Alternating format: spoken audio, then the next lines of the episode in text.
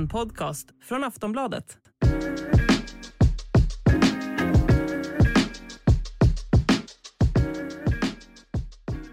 Ja, då hälsar vi välkomna till Allsvenska podden som idag också ska avhandla Sveriges ödesmatch mot Österrike borta på Ernst Tappelstadion. Det är jag, Daniel Kristoffersson och Makoto Asahara. Eh, och vi går väl direkt på matchen mellan Sverige och Österrike då. Vi ska ha ett stort silly-segment också så här i allsvenska semestertider. I och för sig så återsamlas nästan alla lag idag faktiskt med träningar. Men vi ska börja med... Det var ingen lång ledighet de hade. Nej, de hade åtta dagar tror jag. Eh, som mest. Eh, så att det var ingen lång ledighet precis som du säger. Men vi börjar med Sverige och Österrike då.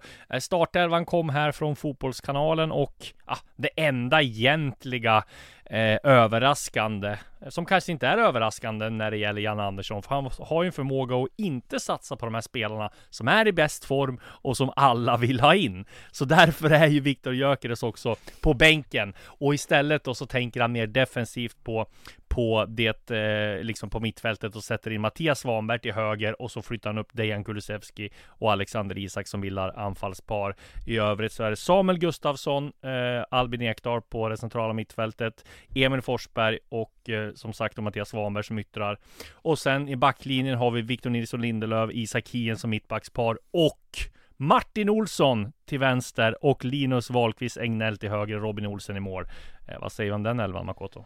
Ja, ur ett Janne-perspektiv är det ju en väntad elva, det är spelare som han eh, litar på sett till också de de förutsättningar som finns truppmässigt. Såklart, vi ska inte älta det här om att man hade ju gärna sett en Jesper Karlsson få chansen eller det där, det, det, det har vi liksom gått förbi, det vet vi att det skulle inte hända i den här matchen och, och Nya Zeeland tillställningen indikerade ju lite vad det var som elva som stundade här Eh, och det kan man väl tycka vad man vill om. Sen är det ju så att man tänker att man har Svanberg till höger, Foppa till vänster.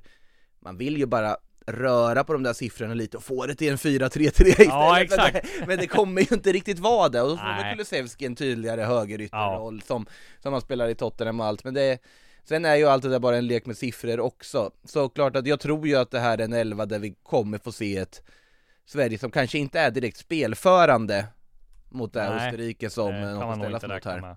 Hallå kära lyssnare! Disco här! Det här avsnittet av Allsvenska podden är exklusivt för Plus och Podmi-kunder.